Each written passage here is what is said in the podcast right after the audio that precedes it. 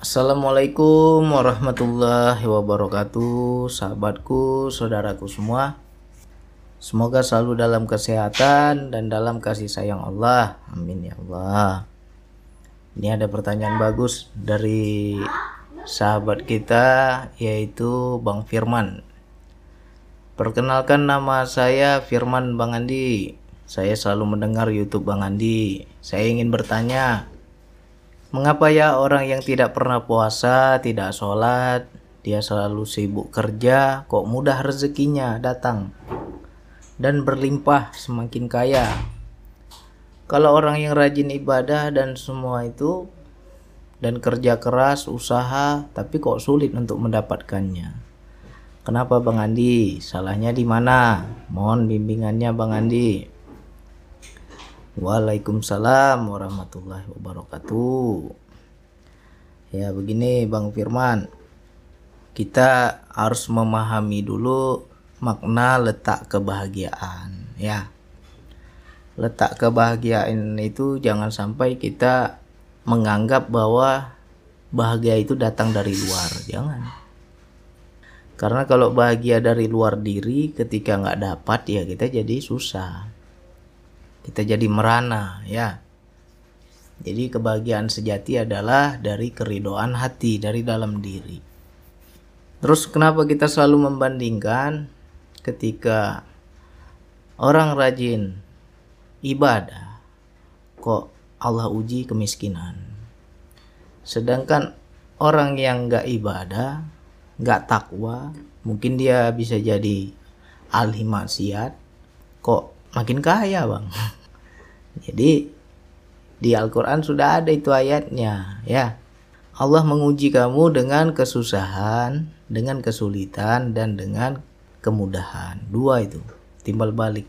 Ya mungkin Allah sudah mentakdirkan kita ya dikasih ujian kita ini kesulitan seperti miskin susah usaha nggak lancar ya putus kerja segala macam kan Nah, sementara mereka yang bukan ahli ibadah itu Allah uji dengan kemudahan.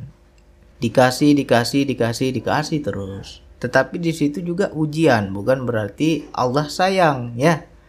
Jadi kita harus pahami ketika kita susah, kita apa, kita miskin, kita anggap Allah nggak sayang. Jangan salah prasangka bisa jadi kesusahan kita itu adalah bentuk kasih sayang Allah. Dan orang yang diberikan harta berlimpah ruah, kita bilang itu orang yang disayang Allah, belum tentu. Bisa di, jadi itu bentuk murkanya Allah. Ya.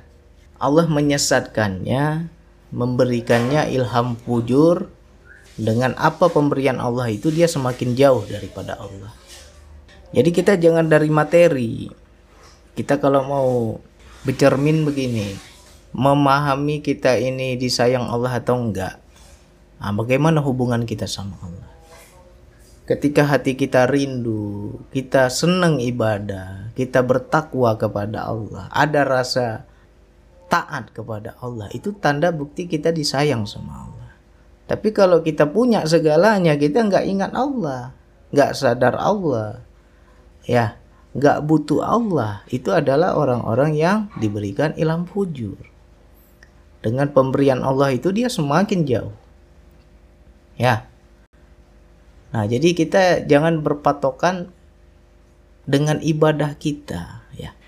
Makanya di sinilah sebagai bukti bahwa segala rezeki ke, ke duniawian kita itu bukan karena ibadah kita kalau kita bilang bang aku gara-gara rajin zikir bang rezekiku lancar. Salah itu pemahaman kalian salah.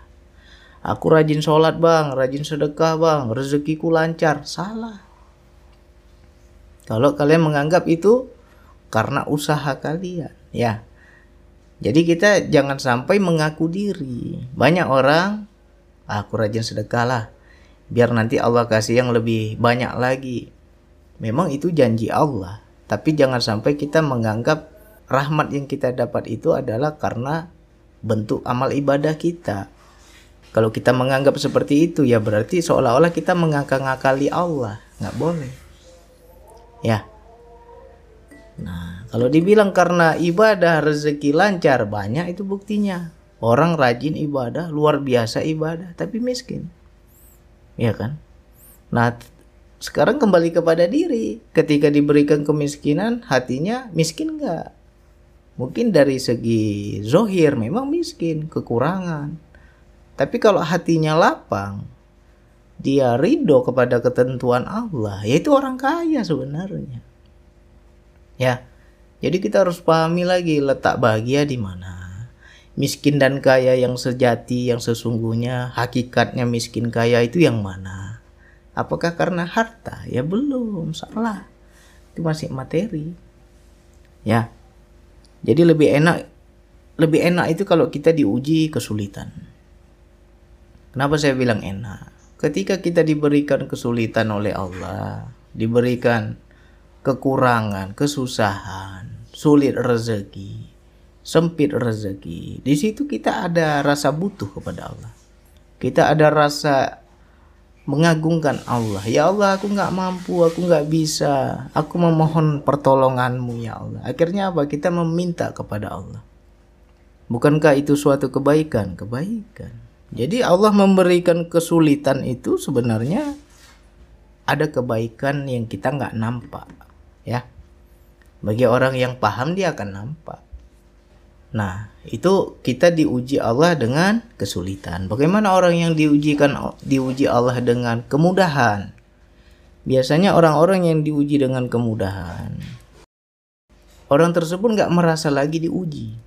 Ya, kalau kita dikasih kemiskinan, kekurangan harta benda, apalagi kesusahan keuangan, pasti kita akan cepat sadar kita menganggap aku sedang diuji nih sama Allah. Tetapi di saat besok kita dikasih kekayaan sama Allah, dikasih semua berlimpah ruah, pernah nggak kita menganggap bahwa itu ujian Allah juga? Banyak orang nggak sadar, banyak orang nggak ingat. Ya. Dan sesuatu yang Allah berikan itu jangan kita anggap bukti Allah sayang. Ya ini harus kita pahami. Jadi Bismillahirrahmanirrahim itu harus komplit lengkap. Ya. Allah kasih, Allah sayang. Ya. Rahman Rohim itu harus lengkap. Banyak orang gak ibadah, banyak orang gak ingat Tuhan, gak ingat Allah. Jauh dari Allah, maksiat siang malam. Allah kasih tiap hari. Kenapa Allah kasih? Biar dia tambah bermaksiat. Itu tandanya Allah gak sayang. Nah, bisa jadi Allah maha tahu isi hati kita, maha tahu kesiapan kita. Ini si Fulan kalau aku kasih kaya, pasti nanti dia durhaka. Ku sempitkan rezekinya, ku jatah hidupnya, sehingga dia tidak macam-macam. Karena kalau ku kasih lebih nih, aku tahu hatinya kata Allah. Bisa jadi dia nanti jadi sombong, dia jadi durhaka kepadaku. Nah, jadi ini kembali lagi kepada ayat yang lain. Allah bilang bisa jadi sesuatu yang kamu senangi itu buruk bagimu dan bisa jadi sesuatu yang kamu benci, kamu nggak suka, itu baik bagimu. Nah kalau saat ini kita sulit, sempit, susah, bisa jadi itu kebaikan. Cuman banyak orang nggak bisa baca. Dia hanya melihat orang lain. Kenapa ya bang si Pulan maksiat tiap hari, nggak pernah sholat, ya kan? Nggak pernah ingat Allah, enak aja hidupnya bang. Siapa bilang? Kita aja yang nggak tahu masalah hidupnya. Ya yang kita lihat orang itu bahagia padahal banyak masalah. Cuma kita nggak tahu. Kita hanya melihat kebahagiaan dia di luar. Jangan dianggap orang kaya nggak ada masalah. Banyak lain-lain masalahnya. Ya. Apa masalah orang kaya Semakin kaya, semakin hebat, semakin terkenal. Semakin memiliki harta benda, banyak orang iri. Coba kita miskin, siapa yang mau iri sama kita? Ya kan? Makin tinggi jabatannya, banyak orang hendak menjatuhkannya. Itu kan masalah juga. Banyak orang iri. Ya kan? Dimusuhi kita udah susah nggak punya apa-apa yang mau iri sama kita siapa Nah, jadi kita jangan hanya melihat kesusahan kita. Kita hanya nggak tahu saja kesusahan mereka. Ya, beda-beda masalahnya. Jadi jangan sampai kita hitung-hitungan sama Allah. Bang, aku sudah sholat. Bang, aku sudah zikir, aku sudah puasa, aku sudah zakat. Kok susah terus hidupku, Bang? Ya berarti kamu menganggap amal ibadahmu itu bisa membuat kamu senang. Salah. Ya, kita harus pahami. Dalam sholat kita selalu berkata, hidupku, matiku, sholatku, ibadahku semua karena Allah. Bukan karena ingin murah rezeki. Bukan karena ingin hidup enak. Bukan karena ingin kebahagiaan. Salah kalau kita hitung-hitungan. Makanya di situ Allah buat kecewa. Ya, ya kita mendekat mendekat terus kepada Allah. Jangan harap apa-apa. Insya Allah ketika hati kita tulus Allah ridho. Ya. Saya sudah pernah berontak sama Allah. Saya marah sama Allah sudah pernah. Segala amal buruk ku tinggalkan ya Allah. Dahulu aku peminum ku tinggalkan nggak minum lagi dahulu aku ke diskotik ku tinggalkan nggak pernah lagi ku injak itu diskotik Ya. Dahulu aku nggak sholat, rajin aku sholat. Dahulu aku nggak zikir, rajin aku zikir. Dahulu aku pelit sama orang, sekarang dermawan aku. Rajin aku sedekah. Akhirnya makin susah hidup itu kan. Hitung-hitungan kita sama Allah. Akhirnya apa gunanya aku ibadah ya Allah? Kok aku susah terus? Nah, di situ Allah tanya, jika engkau mencari kebahagiaan, jika engkau beramal semua itu untuk mencari kebahagiaan untuk dirimu, berarti yang kau lakukan itu karena dirimu, bukan karena aku, kata Allah. Tapi kau bilang sholatku, hidupku, matiku hanya untuk Allah, berarti palsu itu semua. Berbohong kamu, kamu dusta, kata Allah. Ketika aku nggak berikan, kau marah. Berarti yang kau harap itu untuk dirimu. Ya, jadi kita berhati-hati. Berhati-hatinya begini. Kalau orang hitung-hitungan dengan amal ibadah, ya Allah, aku sholat sudah ya Allah. Aku sedekah sudah ya Allah. Aku puasa sudah ya Allah. Aku zikir sudah ya Allah. Aku beramal baik sudah ya Allah. Aku meninggalkan maksiat sudah ya Allah. Ya kan? Habis itu kita tagih, mana janjimu ya Allah? Kenapa aku nggak bahagia juga? Nanti Allah akan berikan. Kalau memang yang kita minta kebahagiaan. Tetapi yang kita takutkan, Allah bayar di dunia, di akhirat nggak dapat lagi. Ya, ini prasangka saya begitu. Suatu saat di akhirat kelak, dicatat itu, dibuka segala amal ibadah kita. Tahu-tahu kita ini memang di dunia ahli ahli ibadah. Begitu dibuka sama Allah, apa Allah bilang? Oh, ini lebih banyak dosanya daripada amal ibadahnya nih. Masuk dia neraka ini. Protes kita kan? Kok aku masuk neraka ya Allah? Padahal aku sudah luar biasa ibadahku. Langsung Allah jawab apa? Nah ini ini prasangka saya ya. Sudah kubayar segala amal ibadahmu di dunia Kau ingin kebahagiaan, kau ingin harta, kau ingin dipuji orang, kau ingin tersanjung, kau ingin dihormati. Semua kau dapat itu di dunia. Tapi di akhirat nggak ada lagi amalmu. Mau kayak gitu? Janganlah. Ngeri kita kalau kayak gitu. Ya. Jadi kita jangan membandingkan dan jangan kita istilahnya hitung-hitungan sama Allah. Ya. Jadi kalau kita mau memahami hakikat miskin dan kaya, itu semua dari hati. Bukan dari duniawi ya. Bukan dari zohir kita. Di saat kita ridho, hati kita lapang, hati kita nerimo, itulah orang kaya.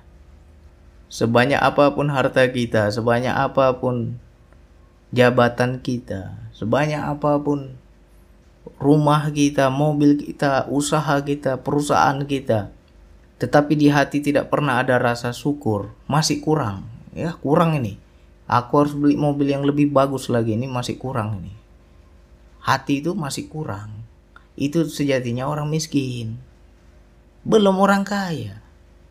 Nah sedangkan orang yang secara pandangan zohir kita lihat miskin nggak punya apa-apa. Rumahnya gubuk.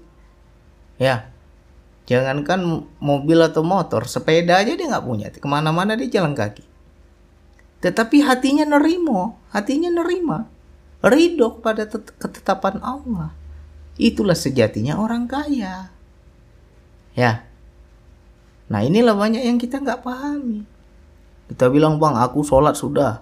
Apalagi ibadah sudah. Tapi miskin terus bang hidupku bang. Hancur hidupku bang. Itu orang maksiat kerjanya minum-minum aja. Ya kan, berzina tiap hari. Tapi kok enak dia. Itu orang-orang yang nggak disayang Allah. Dikasih dikasih dikasih dikasih tapi makin jauh dari Allah. Ya? Dan ujiannya lebih sakit. Kita paling sakit kita ini hanya kelaparan aja. Aku lapar bang. Aku nggak ada uang bang. Hidupku miskin bang. Serba kurang bang. Paling itu aja kita ujian kita ya kan tapi tubuh sehat ya kan kebanyakan itu orang yang dikasih kesusahan dalam segi ekonomi, tubuhnya sehat. Sedangkan orang kaya banyak penyakit. Beda-beda. Mungkin banyak juga kita jumpa, bang orang kaya enak lah bang. Tidur di AC, rumah mewah, ya kan? Semua ada makanannya ber, bergizi. Ya belum tentu itu suatu kebahagiaan.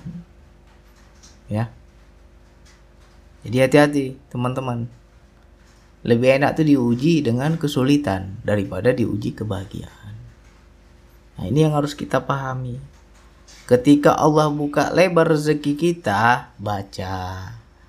Jangan terlena. Saya sudah rasa, sudah rasa saya istilahnya Allah memberikan ujian dengan kebahagiaan.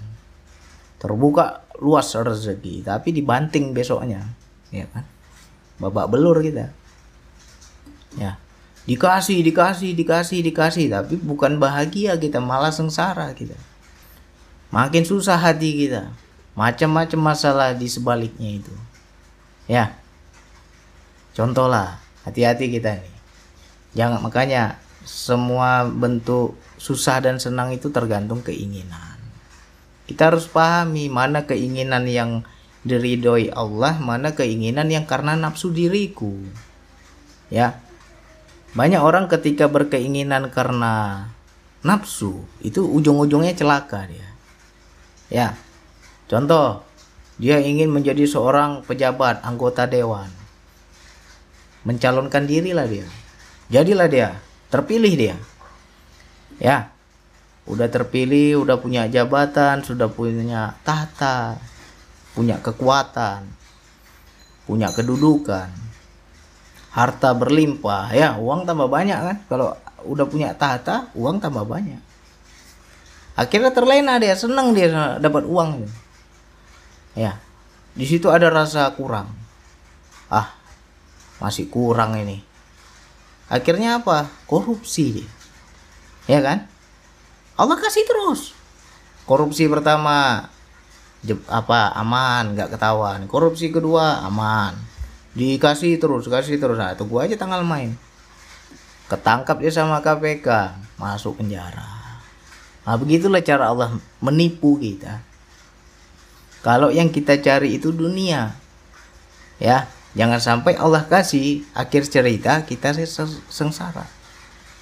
Nah begitu juga itu bagi para pendakwa penceramah ya hati-hati. Aku ingin jadi ustadz lah ustadz banyak duit. Aku ingin jadi dai kondang. Aku ingin jadi kiai segala macam lah. Ya. Akhirnya apa? Terkenal. Terkenal. Uang banyak. Di situ ada rasa bangga gitu dikagumi orang dihormati orang disanjung orang. Wah semua banyak suka sama kita. Di akhir cerita apa? Ya hancur rumah tangga kita. Ya kawin lagi kita. Atau istri udah ada tambah bini lagi kita. Akhirnya apa? Di situ jadi terhina. Ya yang awal-awalnya disanjung, dipuja, dihormati oleh jemaahnya gara-gara dia kawin lagi, nah udah miris itu. Pandangan jemaah sudah lain. Itulah begitulah cara Allah hendak menghinakan kita. Karena apa? Yang kita lebih cinta kehormatan. Ketika kita cintanya kehormatan, Allah banting dengan kehinaan.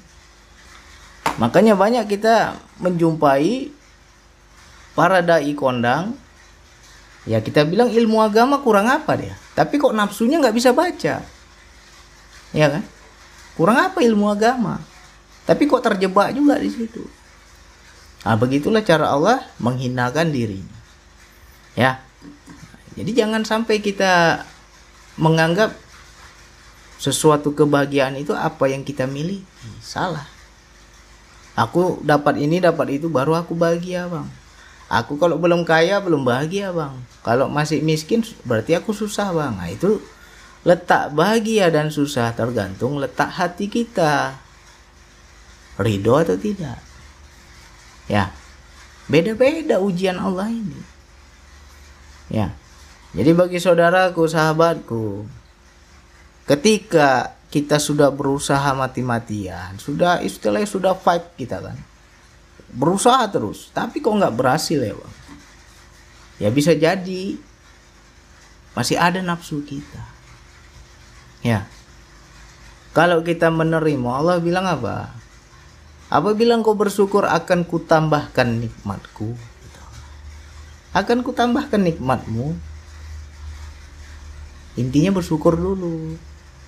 Makanya kalau ada orang masih ibadah kuat tapi dia merasa miskin itu tandanya nggak syukur. Ya. Karena dia nggak nerima nggak menerima. Jadi kita pahami letak bahagia di mana letak miskin kaya di mana. Ya bahagia apabila kita bersyukur mana orang miskin mana orang kaya apabila dia merasa cukup kalau dia bilang aku belum cukup bang bini satu belum cukup nah itu belum manula belum kaya lah itu Mobil satu belum cukup, rumah satu belum cukup. Masih ingin lagi, ingin lagi, ingin lagi. Itu namanya belum jadi orang kaya. Orang yang kaya hatinya adalah merasa cukup. Ya, bersyukur dia. Makasih ya Allah. Susah-susahnya diriku masih banyak, orang lain lebih susah. Ya kan? Jadi kalau tentang makan, Selagi kita dikasih umur, dikasih nafas sama Allah, jatah makan itu ada. Jangan takut kita lapar. Ya. Tapi kenapa Bang saya merasa saya kok miskin, saya merasa kurang keinginanmu yang berlebihan. Kalau untuk makan, insya Allah ada saja rezeki. Udah janji Allah itu. Cuman keinginan-keinginan kita ini yang terlalu berlebih. Sehingga nggak dapat, ya kita merasa kurang.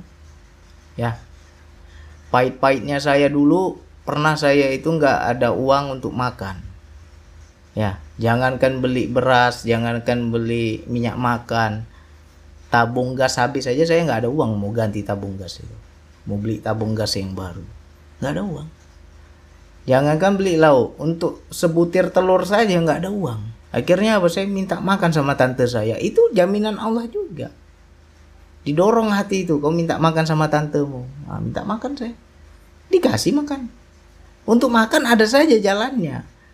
Cuman untuk yang lain-lain itu yang keinginan kita terlalu besar. Ya. Jadi jangan hitung-hitungan. Sholat ya sholat seperti biasa. Zikir ya zikir karena Allah. Ibadah, ibadah karena Allah.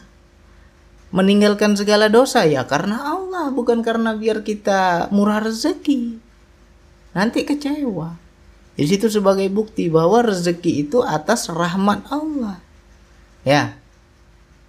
Seperti apa orang yang diberikan rezeki dengan rahmat? Dengan pemberian Allah itu dia semakin dekat kepada Allah. Dikasih rezeki berlebih, akhirnya apa? Dia berinfak, dia bersedekah, dia bantu orang susah. Ya. Ah, itu namanya rezeki yang rahmat. Tapi kalau orang yang dikasih rezeki berlimpah, uang banyak, harta banyak, nggak habis-habis uangnya tapi di situ makin dia jauh dari Allah itu bukan rezeki yang dirahmati Itu ujian namanya. Ya. Ini mudah-mudahan teman-teman paham. Kaya di mana, miskin di mana. Ya. Jadi kita belajar lagi. Kenali lagi ke dalam diri kita. Bang, aku susah lah bang. Apa gajiku kecil bang, pengeluaranku banyak bang. Ah, bisa jadi bukan pengeluaran yang banyak. Ya kan? Keinginan yang banyak. Sehingga pemasukan sama pengeluaran nggak imbang. Gengsi kita terlalu tinggi. Makanlah tuh gengsi.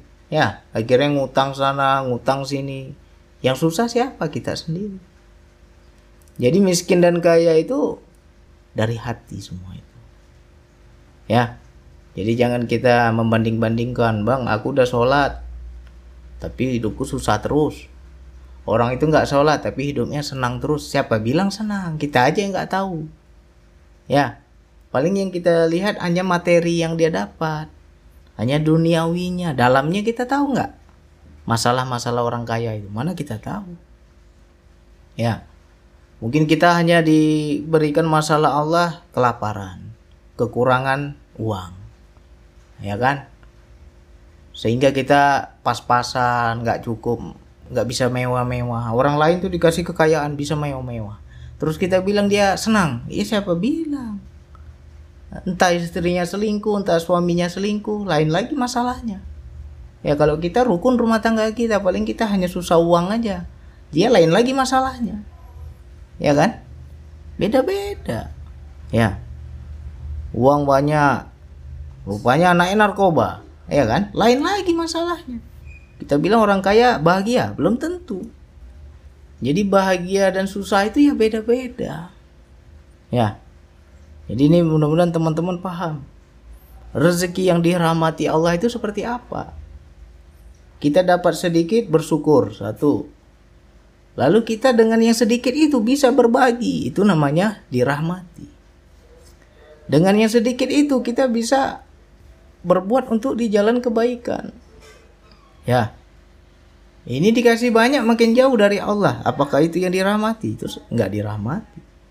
Ya, jadi jangan kita memahami dari harta benda. Salah kalau kita memahami letak miskin kaya itu dari harta benda.